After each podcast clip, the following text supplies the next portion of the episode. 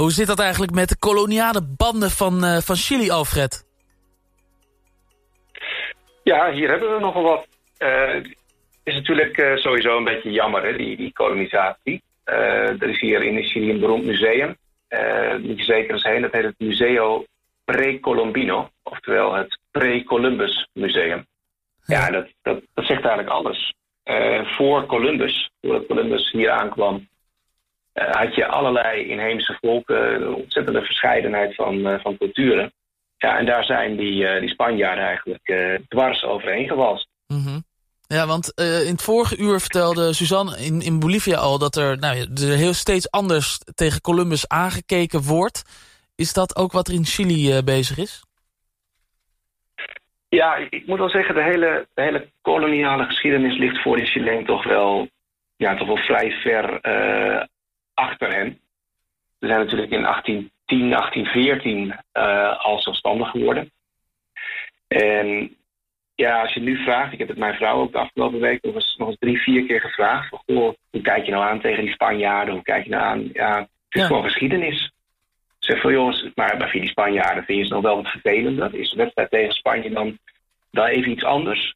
Nee, nee, nee, ja ze spreken allemaal Spaans en dat is eigenlijk wel makkelijk. Dus het is meer een soort uh, broedervolk nu. Oh, ja. dan, dan echt nog, uh, nog mensen die je haat of zo. Of die, die je nog het, het verleden heel erg kwalijk neemt. Daarvoor is het blijkbaar toch gewoon te lang geleden.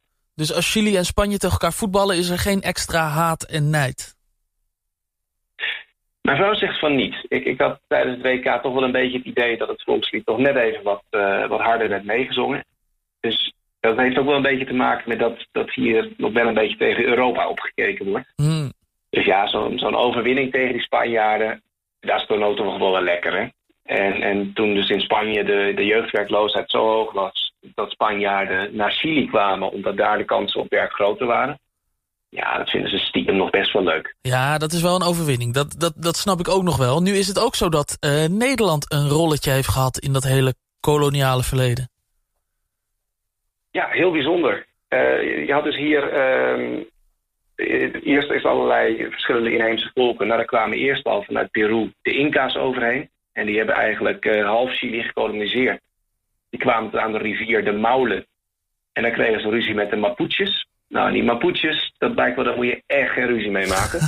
Want de Inca's die hebben, dat, ja, die hebben dat nooit gered. Ondertussen kwam, kwamen dus de Spanjaarden eraan. Eerst met Diego de Almagro daarna met Pedro de Valdivia. En met name Pedro de Valdivia, die uh, is tot aan de rivier de Bio Bio gekomen. Een stukje zuidelijker dan de Maulen.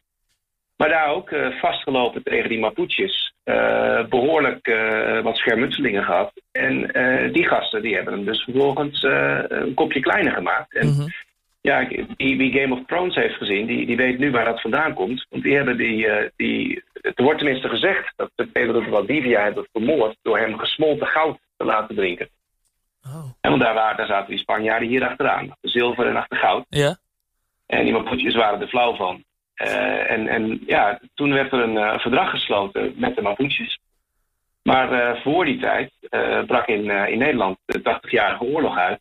En ja, die Spanjaarden konden die oorlog allemaal financieren door de grote zilver, ja, ja, zilvermijn in Potosí. Maar, maar ook vanuit Chili. En ja, voor die Nederlanders uh, zelf zilver en goud vinden was ook leuk. Maar het begon eigenlijk vooral om, om in die kolonie van Spanje maar zoveel mogelijk rotzooi te schoppen. Zodat die, uh, ja, zodat die, die, um, die, die zilverwinsten een beetje naar beneden zouden gaan. Dus dat deden ze ook constant. Dus die, uh, die Nederlanders die, die landen dan, zijn twee keer geweest. Ja, ja, en die gingen dan een, een eilandje kapen, een beetje in Mapuche-gebied.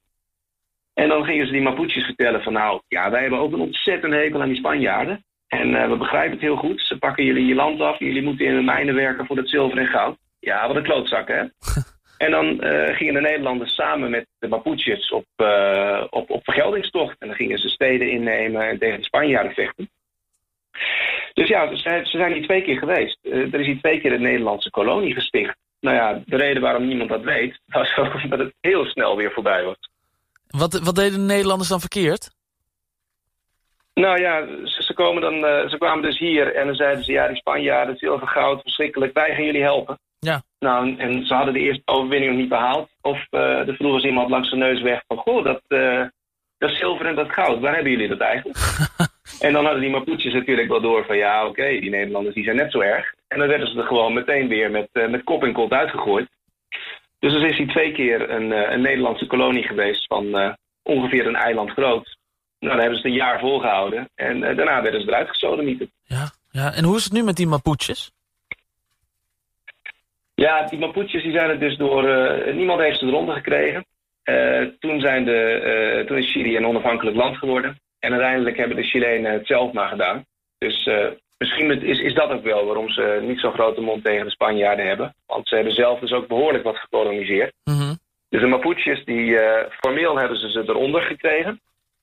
In de praktijk speelt er eigenlijk nog steeds een heleboel. Er was vandaag nog weer een, een, een, nieuwsbericht over een conflict daar met, tussen de politie en de Mapuches. Dus ja, als je het nou over veiligheid hebt, dan zou ik die regio even iets buiten beschouwing laten. Ja. Maar die, uh, ja, en vooral helemaal in het zuiden, waar de Chilenen dan uiteindelijk in 1920 uh, echt aankwamen en, en steden hebben gesticht. Ja, daar hebben ze zich ook behoorlijk misdragen. De, de, culturen daar, die zijn eigenlijk gewoon systematisch uitgeroeid. Dus ja, vergelijk het maar een beetje met, uh, met de geschiedenis van de Verenigde Staten. Hè. Eerst zelf een kolonie, en daarna ook op een hele verkeerde manier omgegaan met, met inheemse volken. Dus toch wel eigenlijk best wel een beetje zelf de kolonisator geworden. Ja, ja, ja, ja inmiddels wel. Dus, dus die Mapuches, dat is eigenlijk een, een volk wat al, uh, nou ja, al honderden jaren tegen onderdrukkers vecht. Ja, en als je, ten, als je hen zelf vraagt, dan zijn ze dus ook nog steeds niet overwonnen. En nog steeds bezig met de heilige strijd voor, voor het behoud van hun grondgebied. En ja, je merkt wel dat daar de, het sentiment nu wel een beetje in aan het keren is. En dat er vanuit, uh, vanuit Chili steeds meer stemmen omgaan, opgaan om, om heel serieus eens te praten over uh, welke landen nou op basis van welke rechten bij wie horen. Mm. Dus uh, nou ja, het zou toch mooi zijn als dat met, met, met wederzijds respect nog opgelost kan worden.